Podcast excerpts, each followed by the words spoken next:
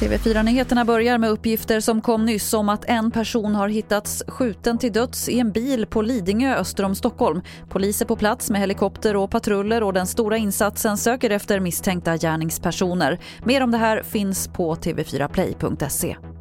Ett av Sveriges största bagerier, Polarbröd i Älvsbyn i Norrbotten har totalförstörts i en brand i natt.